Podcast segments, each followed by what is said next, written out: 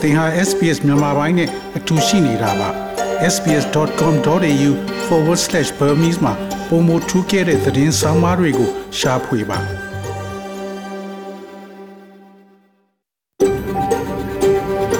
SBS A world of difference You're with SBS Burmese on mobile, online and on radio mobile online နဲ့ radio ပေါ်မှာသင်ဟာ SPS မြန်မာပိုင်းနဲ့အ တူရှိနေတာဖြစ်ပါတယ်တော်ရရှိမြကျက်တိမင်္ဂလာဖျားဖျားနဲ့ပြည်စုံတော်မူကြပါစားခင်ဗျာဒီနေ့ February လ1ရက်အင်္ဂါနေ့မြန်မာပိုင်းစီစဉ်များကိုစတင်အသံလွှင့်နေပါရခင်ဗျာဒီနေ့စီစဉ်များကိုကျွန်တော်ကြော်ထွန်းအောင်ခေါ် Deborah အောင်ကတင်ဆက်ပေးသွားမှာဖြစ်ပြီး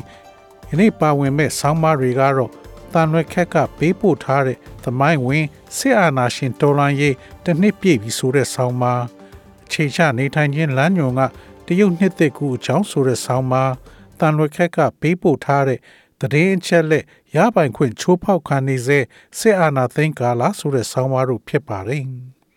ဒီနေ့ကောင်းကြီးပိုင်းသတင်းတွေကတော့ဩစတြေးလျတွင် ပြန့်နှံ့နေသော COVID-19 အမျိုးအစားခွဲစစ်ကောင်စီပေါ်ဖိအားမြင့်ဖို့ ဩစတြေးလျဝန်ကြီးချုပ်ကိုအတိုက်ခံကတောင်းဆိုရုရှားနဲ့ဆွေးနွေးပွဲမှာခိုင်ခိုင်မာမာရပ်တည်ဖို့ယူကရိန်းကတိုက်တွန်း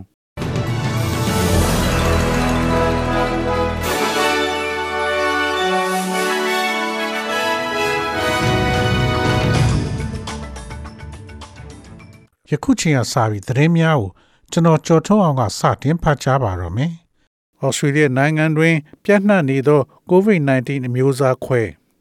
ဩစတြေးလျရဲ့လက်ထောက်ဆေးဘက်ဆိုင်ရာအရာရှိချုပ်ကဩစတြေးလျတွင်ပြန့်နှံ့နေတဲ့ Omicron အမျိုးအစားခွဲအသစ်သည်ဆေးဘက်ဆိုင်ရာကျွမ်းကျင်သူများကြားတွင်စိုးရိမ်ပူပန်မှုမဖြစ်သေးကြောင်းပြောကြားလိုက်ပါတယ်။ Professor Michael Kidd မှ BA2 အမျိုးအစားခွဲရဲ့လက်တဆုပ်စာသာဖြစ်ပွားမှုကိုဩစတြေးလျတွင်မှတ်တမ်းတင်ထားပြီးကွင်းဆက်လူနာတဦးတွင် ပြီးခဲ့တဲ့ဒီဇင်ဘာလတွင်ပထမဆုံးယောဂဖြစ်ပွားခဲ့ကြောင်း တွေးရှိခဲ့ရတယ်လို့ဆိုပါတယ်။ Professor Kidd ကကာဝယ်ဆေးရဲ့ထိရောက်မှုအပေါ်သစုံတရာသက်ရောက်မှုရှိနေတဲ့မျိုးကွဲဘောတွင် အချက်လက်များထွက်ပေါ်လာနေစေဖြစ်ကြောင်းပြောဆိုပါတယ်။မူရင်း Omicron မူကွဲနှင့်နှိုင်းရှင်ပါကယောဂပြင်းထန်မှုဖြစ်စေတဲ့ဤအမျိုးအစားခွဲမျိုးကွဲတွင်သီးသာထင်ရှားစွာကွဲပြားတဲ့လက္ခဏာများရှိမရှိကျွန်ုပ်တို့မသိသေးပါဘူး။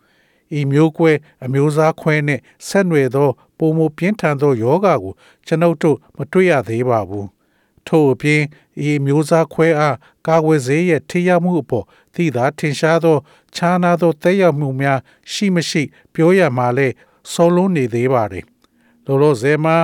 စိုးရင်စရာဘာကိုမှ မတွေ့ရသေးပါဘူး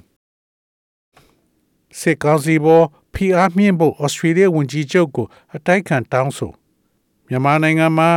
စစ်အာဏာရှင်အာဏာသိမ်းတစ်နှစ်ပြည့်တဲ့အချိန်မှာဩစတြေးလျနိုင်ငံအနေနဲ့မြန်မာအာဏာသိမ်းစစ်ကောင်စီအပေါ်အရေးယူတန်ခတ်မှုတွေတိုးချဲ့လှုံ့ဆော်တဲ့နယ်လို့အတိုက်ခံလေဘာပါတီရဲ့နိုင်ငံတကာရေးရာပြောရေးဆိုခွင့်ရှိသူဆန်နက်လွှတ်တော်မှခရစ်စတီနာကနယ်လီကဝန်ကြီးချုပ်စကော့မော်ရဆန်ရဲ့အဆိုအကိုတောင်းဆိုလိုက်ပါတယ်။အာနာသိန်းစစ်ကောင်စီနဲ့ပတ်သက်လို့လွန်ခဲ့တဲ့12လအတွင်း ဝန်ကြီးချုပ်မော်ရဆန်နဲ့နိုင်ငံခြားရေးဝန်ကြီးမရီစ်ပိန်တို့လှုပ်ဆောင်တာဟာအလွန်နောက်ကျပြီးအနှဲငယ်ပဲရှိခဲ့တယ်လို့ဆန်နစ်လွတ်တော်အတိုက်ခံဒုတိယခေါင်းဆောင်လည်းဖြစ်တဲ့ခရစ်စတီနာကနယ်လီကဇန်နဝါရီလ31ရက်နေ့မှာဝေဖန်ပြောဆိုလိုက်ပါတယ်။ဩစတြေးလျအစိုးရအနေနဲ့မြန်မာနိုင်ငံကအခြေအနေတွေကိုစိုးရိမ်ကြောင်းစစ်တပ်အနေနဲ့အကြမ်းဖက်မှုတွေရပ်တန့်ဖို့ဖမ်းဆီးထားသူတွေကိုလွှတ်ပေးဖို့နဲ့တွဲဆုံဆွေးနွေးရေး လုပ်ဖို့ပြောဆိုတာတွေရှိပေမဲ့နောက်ထပ်ဘာမှလှုပ်ဆောင်တာမရှိသေးဘူးလို့ပြောဆိုပါတယ်။မြန်မာဒီမိုကရေစီအရေးအတွက်စိတ်သဘောထားတူတဲ့တခြားနိုင်ငံတွေလှုပ်ဆောင်သလိုဩစတြေးလျအနေနဲ့မြန်မာစစ်ကောင်စီပေါ်ငွေကြေးနဲ့ခီးသွာလာခွင့်အပါအဝင် ထိရောက်တဲ့အရေးယူဆောင်ရွက်မှုတွေလှုပ်သင့်တယ်လို့လည်းတိုက်တွန်းထားပါတယ်။ဩစတြေးလျအလုပ်သမားသမဂ္ဂ HRW လူခွင့်ရေးစောင့်ကြည့်ရေးအဖွဲ့ ACID နိုင်ငံတကာဖွံ့ဖြိုးတိုးတက်ရေးဩစတြေးလျကောင်စီဒါအပြင်တခြားရပ်ဘက်အဖွဲ့အစည်းများနဲ့အတူမြန်မာနိုင်ငံကအာဏာသိမ်းစစ်ကောင်စီပေါ်ပြစ်မှတ်ထားပိတ်ဆို့ဒဏ်ခတ်မှုတွေလှုပ်ဖို့ကိုတောင်းဆိုပါကြောင်းအတိုက်ခံဩစတြေးလျအလုံသမားပါတီရဲ့ဆန်နက်အမတ်ခရစ်စတင်ကန်နယ်လီကတောင်းဆိုထားပါတယ်။ရုရှားနဲ့ဆွေးနွေးပွဲမှာခိုင်ခံမာမာရပ်တည်ဖို့အနောက်အုပ်စုကိုယူကရိန်းတိုက်တွန်း ရုရှားနဲ့ဆွေးနွေးပွဲမှာသတိနိုးကြားရှိပြီးခိုင်ခိုင်မာမာဆက်လက်ရပ်တည်ဖို့ယူကရိန်းကတိုက်တွန်းလိုက်ပါတယ်။ယူကရိန်းကိုရုရှားကကျူးကျော်နိုင်တဲ့စိုးရိမ်ပူပန်မှုတွေကြားအမေရိကန်သမ္မတဂျိုးဘိုင်ဒန်ကတပ်ဖွဲ့ငယ်တပ်စုအရှေ့ဥရောပစီပို့ဆောင်တပ်ဖြတ်မယ်လို့ကြေညာထားခြင်းလည်းဖြစ်ပါတယ်။ယူကရိန်းတနိုင်ငံလုံးကိုချင်းချောက်နိုင်တဲ့လုံလောက်တဲ့တပ်အင်အားနဲ့စစ်လက်နဲ့ကြီးတွေကို ရုရှားကနေဆက်မှာတပ်ဆွဲထားတာဖြစ်ပေမဲ့ရန်လိုသောပဋိပက္ခတွေကိုရှောင်လွှဲနိုင်ဖို့နောက်ထပ်သံတမန်ရေးအားထုတ်မှုတွေကိုစောဩထားပါတယ်။အနောက်အုပ်စုခေါင်းဆောင်တွေက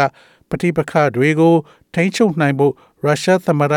ဗလာဒီမာပူတင်နဲ့တွေ့ဆုံဆွေးနွေးပြီးလုံးပနေသလိုတစ်ဖက်ကလည်းပူတင်အနေနဲ့အင်အားသုံးလာခဲ့ရင်မကြုံဘူးတဲ့ ဒဏ်ခတ်ပိတ်ဆို့မှုတွေချမှတ်ပြီးဖိအားပေးဖို့လဲကြိုးစားနေပါတယ်။ရုရှားရဲ့ကြီးမားတဲ့တပ်ချထားတဲ့တပ်ဆွဲမှုနဲ့ပတ်သက်လို့အလွန်တရာထိတ်လန့်ပူပန်ခြင်းကိုရှောင်ရှားကြဖို့အနောက်အုပ်စုမိတ်ဖက်တွေယူကရိန်းသမ္မတ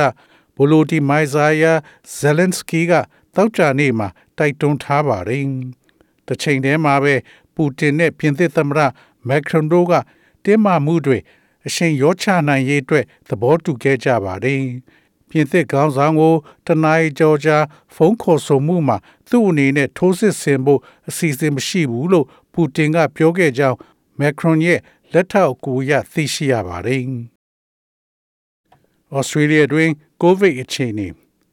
ညူဆာဝေတွင်ကိုဗစ်နဲ့ဆက်ဆက်သေဆုံးသူ30ဦးနဲ့ကူးစက်မှုအသစ်12818ခုကို မှတ်တမ်းတင်ထားပါတယ်။ထိုတော်တွင် Victoria သည် နောက်ထပ်သေဆုံးသူ34ဦးနဲ့ COVID-19 ကူးစက်ခံရသူ11312ဦးထပ်မံတွေ့ရှိထားပါတယ်။မြောက်ဖက်တွင် Queensland တွင်သေဆုံးသူ10ဦးနဲ့ယောဂကူးစက်မှုအသစ်9588ဦးရှိပါတယ်။ဆေးရုံတွင် လူနာ868ဦးရှိပြီး ICU တွင်90ရှိပါတယ်။ ACT တွင်သေဆုံးမှုအသစ်မှတ်တမ်းတင်ထားခြင်းမရှိသေးဘဲ COVID-19 ကူးစက်ခံရသူအသစ်922ဦးကိုမှတ်တမ်းတင်ထားပါတယ်။ Tasmania တွင်သေဆုံးမှုအသစ်နှင့်ကူးစက်ခံရသူ669ဦးကိုလည်းမှတ်တမ်းတင်ထားပါတယ်။တောင်ဩစတြေးလျတွင် COVID မှသေဆုံးသူ3ဦးနဲ့1266ကူးစက်မှုအသစ်ကို တွေ့ရှိထားပါတယ်။ ဒီမိုကရေစီလမ်းကြောင်းပေါ်ပြန်လျှောက်ဖို့သမ္မတဘိုင်ဒန်တောင်းဆိုမြန်မာစစ်ကောင်စီအနေနဲ့ဒေါအောင်ဆန်းစုကြည်သမ္မတဦးဝင်းမြင့်နဲ့ဒီမိုကရေစီနီးကျရွေးကောက်တင်မြှောက်ထားတဲ့ခေါင်းဆောင်တွေသတင်းသမားတွေအရက်ဖက်အဖွဲ့အစည်းခေါင်းဆောင်တွေတက်ကြွလှုပ်ရှားသူတွေနဲ့နိုင်ငံသားတွေကိုပြန်လွှတ်ပေးပြီးဒီမိုကရေစီလမ်းကြောင်းပေါ် ပြန်လျှောက်ဖို့အမေရိကန်သမ္မတဂျိုးဘိုင်ဒန်ကမြန်မာနိုင်ငံမှာစစ်တပ်အာဏာသိမ်းတာတနှစ်ပြည့်တဲ့နေ့အတွက်ကြေညာချက်ထုတ်ပြန်တောင်းဆိုလိုက်ပါတယ်။မြန်မာနိုင်ငံမှာအာဏာသိမ်းပြီးချိန်ကစလို့နိုင်ငံသားတွေဟာစစ်တပ်ရဲ့မရေမတွက်နိုင်တဲ့ရက်ဆက်အကြမ်းဖက်မှုတွေခံနေရကြောင်းနဲ့လူပေါင်း1500သေဆုံးပြီးထောင်ပေါင်းများစွာ မတရားဖမ်းဆီးခံရသလိုအဂတိလိုက်စားမှုတွေတိုးလာနေတဲ့အပြင် တိုက်ခိုက်မှုတွေတိုးလာပြီးဒေသတွင်းမှာပါမတည်မငြိမ်ဖြစ်လာနေတယ်လို့ပြောဆိုပါတယ်။ဒီလိုစစ်အာဏာပိုင်တွေရဲ့လှုပ်ဆောင်မှုတွေကိုရှုံချကြောင်းနဲ့ကျူးလွန်သူတွေတာဝန်ခံမှုရှိစေဖို့အာဆီယံအပါအဝင်မိတ်ဆွေတွေလက်တွဲဘက်နိုင်ငံတွေနဲ့ဆောင်ရွက်နေကြောင်းလည်းပြောဆိုထားပါတယ်။စစ်ကောင်စီအနေနဲ့လူသားချင်းစာနာမှု အထောက်အကူဆောင်ရွက်နေသူတွေကိုအတားအဆီးမရှိသွားရောက်ခွင့်ပြုဖို့နဲ့မြန်မာနိုင်ငံဒီမိုကရေစီလမ်းကြောင်းပေါ်ပြောင်းရောက်ရေးအတွက်အဖွဲ့အစည်းအားလုံးနဲ့အတိတ်ပဲရှိတဲ့ဆွေးနွေးပြောဆိုမှုတွေလုပ်ဖို့လဲတောင်းဆိုလိုက်ပါတယ်။တကယ်လို့စစ်တပ်ကမြန်မာပြည်သူတွေရဲ့တောင်းဆိုချက်ကိုဆက်ပြီးညှင်းဆိုနေသမျှစစ်တပ်နဲ့သူ့ကိုပံ့ပိုးနေသူတွေကို နောက်ထပ်အရေးယူမှုတွေဆက်လုပ်မှာဖြစ်ကြောင်းသတိပေးလိုက်ပါတယ်။ ယူကရိန်းကိုနေတိုးတပ်ဖွဲ့တွေဆေလွတ်ဖို့ရည်ရွယ်ချက်မရှိဟုအတွင်းမှုချုပ်စတိုလန်ဘတ်ကပြောယူကရိန်းကိုရုရှားကကျူးကျော်ဝင်ရောက်မယ်ဆိုရင်နေတိုးစစ်မဟာမိတ်နိုင်ငံတွေဘက်ကယူကရိန်းကို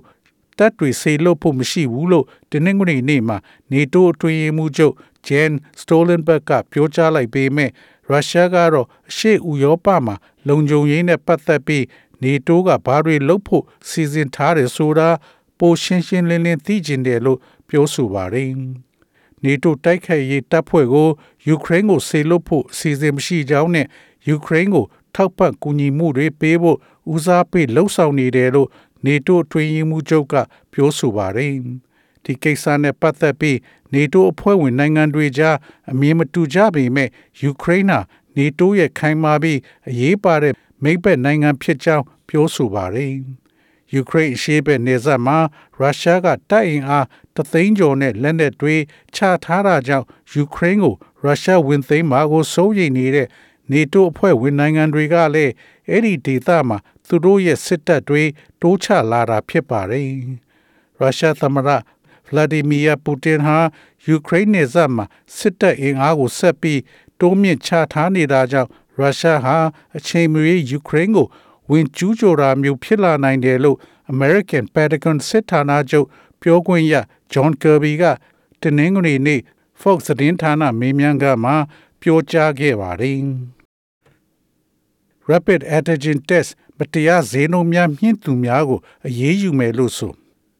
Australia Competition and Consumer Commission သည် Rapid Antigen Test ဈေးနှုန်းများကို မတရားမြင့်သောဈေးနှုန်းများဖြင့်ရောင်းချသူများကိုရဲတပ်ဖွဲ့ထံလွှဲပြောင်းပေးမယ်လို့ပြောဆိုလိုက်ပါတယ်။စားသုံးသူစောင့်ကြည့်ရေးအဖွဲ့သည် COVID-19 အိမ်ဆန်းသက်ကိရိယာများဈေးနှုန်းများမတရားတင်ရောင်းချမှုအတွက်တလအတွင်းတိုင်ကြားချက်ပေါင်း4000ကျော်ကို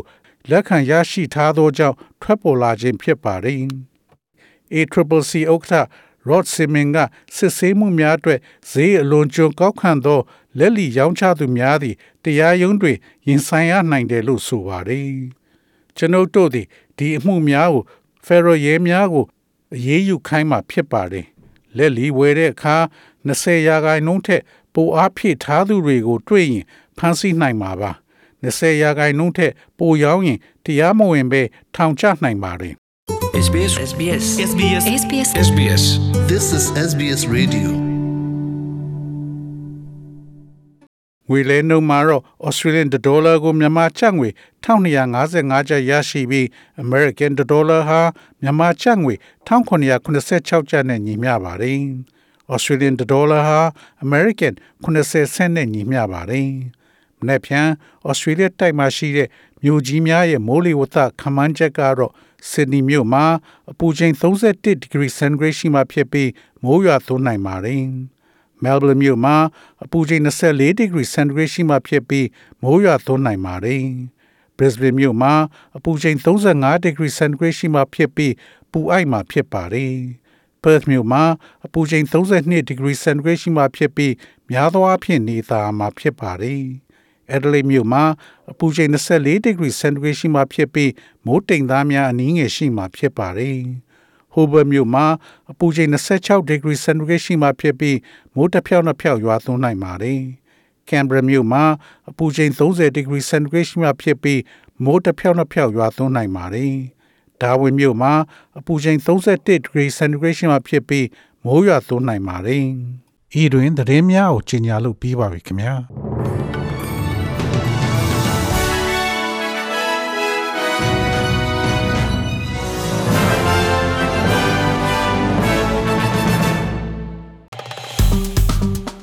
SBS မြန်မာပိုင်းကို Facebook ပေါ်မှာ like ရှာပြီး like မျှဝေမှတ်ချက်ပေးပါ